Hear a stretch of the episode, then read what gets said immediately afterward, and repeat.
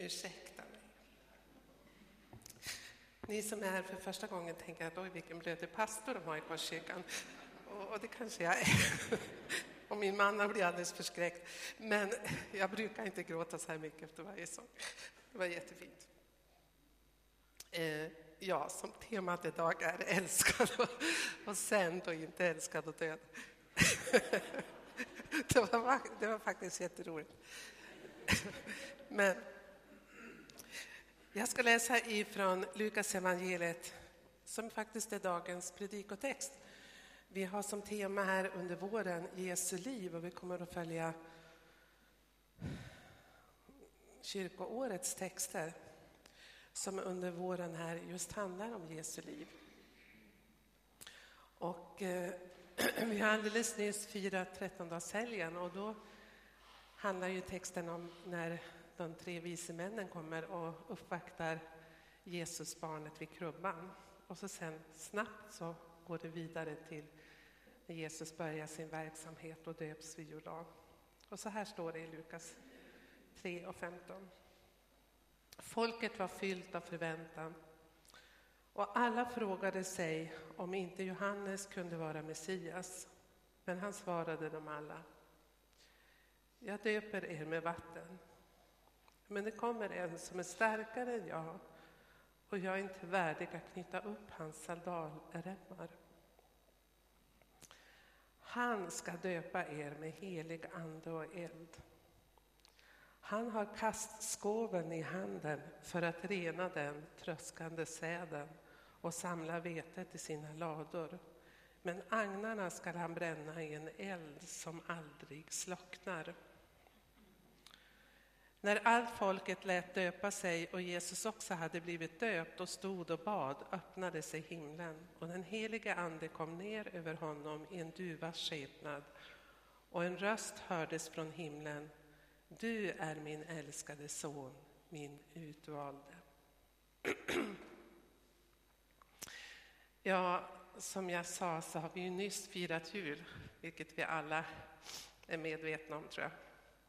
Vi har firat att Gud har sänt sin son Jesus Kristus till jorden av kärlek. För Johannes betonar det att ty så älskade Gud världen att han sände sin enda son. Det var av kärlek Gud sände Jesus, sin son, till världen. Till oss människor med våra svagheter Jesus kom till vår jord, en jord fylld av våld och konflikter. Så var det då och så är det likadant idag. Men Jesus kom för att visa oss att tillvarons yttersta verklighet inte är ond utan god. Gud som uppehåller hela tillvaron är fylld av kärlek och medkänsla till hela sin skapelse och så även till oss människor som så missbrukat Guds förtroende. När vi läser i Nya testamentet om Jesus och hans verksamhet så ser vi tydligt hur Jesus gång på gång uppenbarar Guds kärlek och särskilt till de människor som kanske vi tycker inte skulle vara värda det. I dagens text som vi läst har vi hört berättelsen om Jesu dop som markerar början på Jesu uppdrag här på jorden. Eller ja, hans synliga verksamhet. Och det var också början på vägen till korset. Även här hör vi kärlekens budskap. Du är min älskade son, min utvalde. När Fadern uppenbarar sig så är det kärlekens röst vi hör. Jesus, han började sitt uppdrag med Faderns kärlek i ryggen. Han sändes ut av kärlek. Både när han sändes till jorden och som här när han sänds ut på sitt uppdrag. Och tryggheten att vara älskad av sin far som Guds son bar Jesus med sig hela vägen ända till korset och ända tillbaka hem till himlen igen. Jesus behövde aldrig bevisa att han var Faderns son. Att han var värdig Guds, Faderns kärlek. Den bekräftelsen fick han redan innan han började sitt uppdrag. Jesus visste att han var Guds älskade enfödde son. Allt börjar med kärlek och allt slutar med kärlek, för Gud är kärlek. Och detta gäller även relationen mellan Gud och dig och mig. Som Guds älskade sänder Gud oss ut i världen för att visa på hans kärlek. Men först behöver du och jag ta emot Guds kärlek genom Jesus Kristus och bli riktigt rotade i den kärleken för att kunna bli hans redskap i världen som hans älskade. Jag ska återkomma till det, men först ska jag säga något om dopet. Det finns en viktig skillnad mellan Jesu dop och vårt dop. Jag har berättat det förut, men jag gör det igen. Själv så beslöt jag mig för att låta döpa mig när jag var 12 år. Jag visste vad jag gjorde. Jag visste att man måste ta ett eget beslut. Och när jag stod där framme på estraden och pastorn frågade mig varför vill du döpa dig? Då svarade jag, det vet jag mycket väl, kom ihåg det. Jag vill göra som Jesus gjorde. Jag ville låta döpa mig eftersom Jesus också hade låtit döpa sig. Svaret var enkelt och rätt. Jag ville följa Jesus och göra som han gjorde. Och dopet handlar ju om att följa Jesus, att bekänna sin tro till honom och vilja följa honom. Men som tolvåring så hade jag inte helt klart för mig att det var en otroligt stor skillnad mellan Jesu dop och mitt dop. Johannes uppmanade människorna som kom ut till öknen att låta döpa sig till syndernas förlåtelse som en förberedelse för att ta emot Messias. Och Jesus, han var ju Messias. Och detta visste Johannes. Det är därför Johannes tveka när Jesus kommer och vill låta döpa sig. Eh, Jesus låter inte döpa sig för sin egen synd, utan för vår synd. Det är precis som prästen Bo Brander så bra har beskrivit det i sin bok. Han har skrivit en bok som heter Ett år med Jesus. Och där står det så här. Jesu dop är nästan ett omvänt dop. Han som är ren låter sig översköljas av världens smutsighet. Så stiger han upp, färdig att vandra till korset.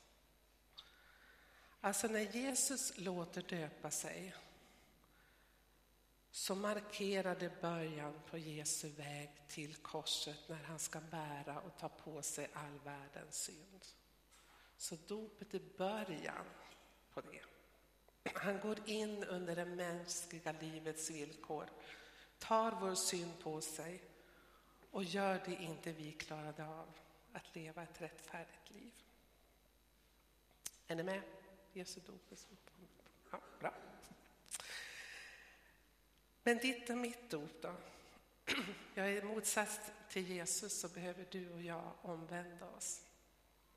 Och inte bara en gång, utan vi behöver göra det gång på gång. Från vår Guds frånvändhet. Vi är så upptagna av oss själva och så inkrökta i oss själva. Vi behöver be om nåd och förlåtelse. Bekänna Jesus Kristus som vår Herre i våra liv. Dopet, när vi låter döpa oss och tar det beslutet så är det ett gensvar på Jesu uppmaning att låta oss döpas.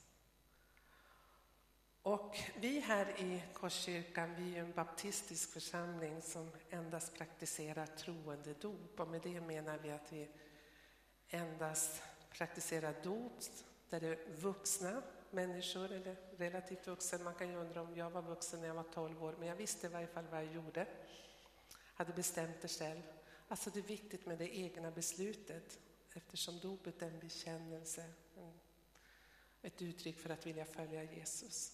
Vi tror även att dopet, det baptistiska dopet, när man sänks ner i dopgraven under vattnet och står upp igen, att det bäst synliggör det Paulus skriver om i Romarbrevet 6, där han talar om dopet som både en begravning av den gamla människan och en uppståndelse tillsammans med Kristus. Vi uppstår tillsammans med Kristus i dopet. Så därför kallar vi detta en dopgrav. Vi dör och vi uppstår med Kristus i dopet. När man talar om, om dopet i, i ekumeniska sammanhang så är de allra flesta kristna kyrkor, eller jag har inte träffat någon kristen förut, pastor eller präst som inte håller med om det, att tro och dop hör ihop. Men sen har vi lite i ekumeniska sammanhang lite olika åsikter om i vilken ordning det ska komma. Om man ska döpas som barn, då kommer ju dopet först och sen så bekräftar man det när man är äldre. Man bekräftar sitt dop i samband med konfirmationen. Alltså först dop och sen tro. Medan vi här i vår kyrka tror att tron ska komma först och dopet sen. Samtidigt så håller, även om vi håller fast vid vår baptistiska dopsyn så vill vi som församling inte döma över andras samveten. Vi här i Korskyrkan välkomnar dem som är barndöpta och som lever i sitt barndop och som bekänner sig och sin tro på Jesus Kristus som Herre och Frälsare. Därför har vi medlemmar i vår församling som är barndöpta och som inte har döpt om sig. Och vi respekterar deras tro och deras dop. Därför att vi tror att det är den heliga Ande som kan tala till varje enskild människa om vad som är rätt. Samtidigt så, så tänker vi inte så här i vår församling att om du är barndöpt och som sen har kommit till tro på Jesus Kristus i, i vuxen ålder och kanske när du var barn blev döpt mer av tradition och dina föräldrar har inte alls fostrat dig som kristen. Och sen att du i ditt hjärta kommer till insikt att nej men jag, jag vill, nu när jag själv har kommit till tro så vill jag låta döpa mig. Jag vill lämna det gamla livet bakom mig. Jag vill begrava det gamla livet och uppstå med Jesus Kristus då ser inte vi det dopet som ett omdop. Vilket präster i den lutherska kyrkan skulle kunna diskutera länge med mig om, för de skulle se det så. Men vi ser det inte så, utan vi, om du sitter här och känner så här att, att Gud manar dig att låta döpa dig, fastän du är barndöpt, så, så säger vi välkommen. Vi vill gärna låta döpa dig som vuxen. Därför att i dopet så händer någonting. Vi bekänner vår tro på Jesus Kristus. Det är en bekännelsehandling från vår sida, den som låter döpa sig. Men Gud handlar också med oss i dopet. Han förenar oss med Kristus. Sen är ett löfte knutet till dopet och det är den helige Ande. Och vi hörde här redan i början att, att Johannes han talar om Jesus som den som döper i helig ande och eld. Och den heliga ande är hela tiden knuten till dopet. Vi ser det också när Jesus döps, att en, en duva sänks ner över Jesus som ett tecken på den heliga andes närvaro. Så treenigheten är närvarande när Jesus döps. Jesus står i vattnet, Faderns röst hör, den helige Ande sänks ner som en duva. Den treenige guden finns där. Och så är det alltid ett dop i den ett kristen betydelse, att ett dop i Faderns och Sonens och den helige Andens namn. Och till det är en gåva knuten, en gåva, ett löfte om att få ta emot den helige Ande. Fantastiskt. Tillbaka till Lukas evangeliet här så ska jag säga, i dopet bejakade Jesus sin kallelse. Sin kallelse att vara vägen till korset, att dö för vår skull och uppstå. Och i dopet döps vi till att leva med Jesus och gå hans väg. Och där var det inte helt fel som du sa i början, älskad och dö. Därför att Jesus kallar oss att gå korsets väg. Att dö med honom. Att dö bort från oss själva och leva för honom. Och om vi jämför våra liv med Jesu liv så ser vi att Jesus aldrig har lovat oss ett liv utan svårigheter och motgångar. Ett lyckligt liv i världslig bemärkelse. Utan snarare så förbereder han oss på att om vi vill följa honom så måste vi vara beredda på motstånd, till och med lidande. Men även du och jag få gå och börja våra liv tillsammans med Jesus med Faderns kärlek i ryggen. Även vi får höra de här orden. Du är min älskade son eller dotter. Du är min utvalda. Och dessutom vet vi att Jesus har lovat att vara med oss till tidens slut och ge oss av sin frid, ge oss syndernas förlåtelse. Ja, hela evangeliet skulle kunna sammanfattas i denna punkt. Att när Gud ser på dig och mig så säger han precis samma sak som han sa till Jesus när han lät döpa sig. Du är mitt älskade barn. Och hur svårt det än kan vara att ta till sig det och förstå det, så är det faktiskt så att Gud ser oss var och en som hans älskare. Och vi kan behöva komma påminna oss om det här att Gud sände sin son till oss medan vi ännu var syndare, som Paulus säger. Nu låter det som ett, ett väldigt tjejljud här. Är det något? Ni hörde det, det är bara jag som... Gud sände sin son till oss medan vi ännu var syndare. Alltså Gud älskade människan, världen och sände sin son. Tyvärr märker jag det, inte minst i samtal med människor och också med människor som har levt kristna många, många år, även präster och pastorer, man sitter i andlig vägledning, att vi har så svårt att verkligen tro och lita på att vi är älskade av Gud, precis som vi är.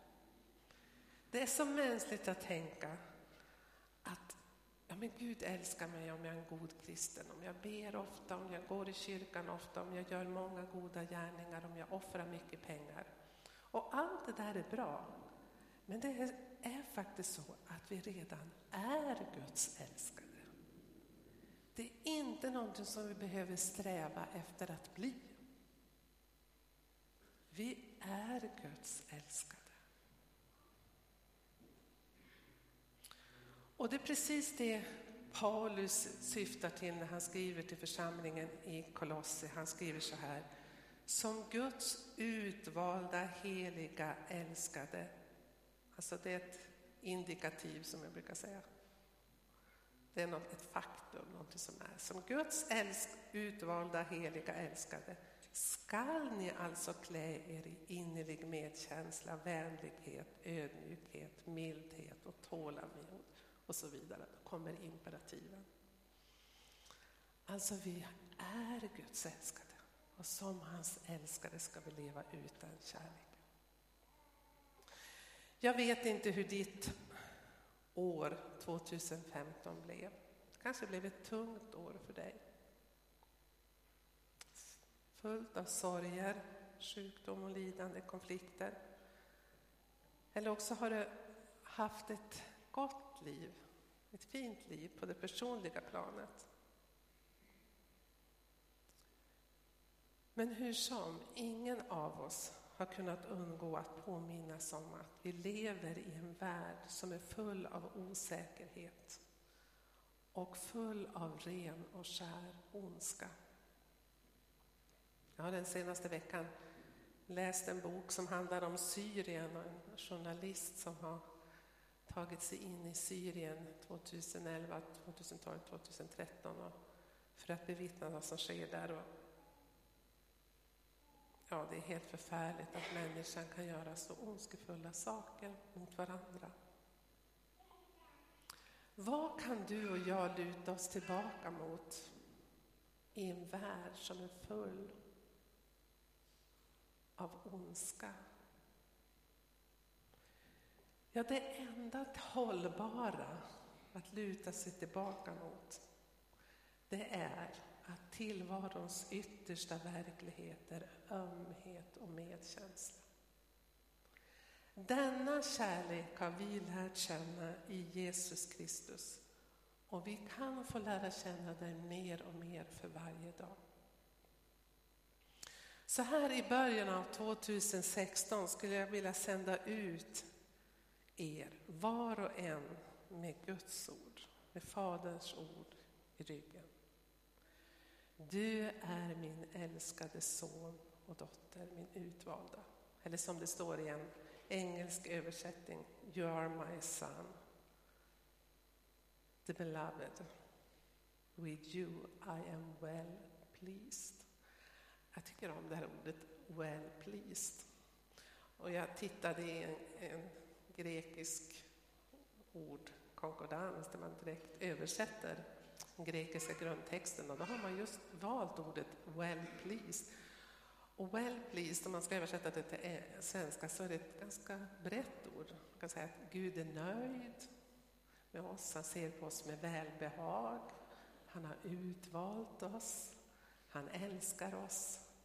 Visst är det ett bra ord, well pleased, ni som är bekanta med engelska. Och jag tänkte så här att låt det ordet sjunka in i dig inför 2016. Gud ser på dig med kärleksfulla ögon. Och han vill att du ska ta emot hans kärlek genom Jesus Kristus. Och han säger, du är min älskade son. Du är min älskade dotter. Du är min älskade. Och jag är så nöjd med dig. Jag ser på dig med sånt välbehag. Och jag sänder dig ut i världen. Om en stund ska vi ta emot bröd och vin i nattvarden. Du kanske gör det för hundrade eller tusen, tusende gången. Eller kanske för första gången. I vilket fall som helst vill jag att du ska tänka så här. Jesus dog för mig. Han uppstod och besegrade det onda för min skull, av kärlek. Och när gudstjänsten är slut så ska jag önska att du kunde känna det här att du får gå ut i vardagen med hans kärlek i ryggen. Och då får vi gå i Jesu efterföljd, i hans fotspår. Och när vi läser Nya Testamentet och evangelierna så ser vi att Jesus predikade inte lag och dom som vi har en tendens att göra. Nej, vad gjorde han? Han visade på Guds kärlek i både handling och ord. Eller hur? Ni kan gå hem och, och, och kolla om jag har rätt eller inte. Gång på gång så visade Jesus på Guds kärlek i ord och handling. Han kom inte med dom, han kom med nåd, han kom med förlåtelse, han kom med medkänsla. Och så säger han att det är inte din och min uppgift att döma. Det är hans uppgift en dag. Vi ska frikänna. Så vår uppgift är att berätta och berätta och berätta om Guds kärlek i ord och handling. Medvetna om att vi är älskade. Låt oss be. Herre, du känner oss var och en. Du vet vad vi har gått igenom det år som har gått. Vad vi har brottats med, vad vi har glatts åt. Du vet vad vi bekymrar oss inför det år som ligger framför. Men Herre, jag ber att du ska tala till oss var och en, till våra hjärtan. Och att vi ska kunna öppna våra hjärtan för den kärlek som du vill ge oss. Och jag ber för oss var och en, att vi ska kunna kasta våra bekymmer och all vår oro på dig i vetskap om att du har omsorg om oss. Jag ber om det i Jesu namn.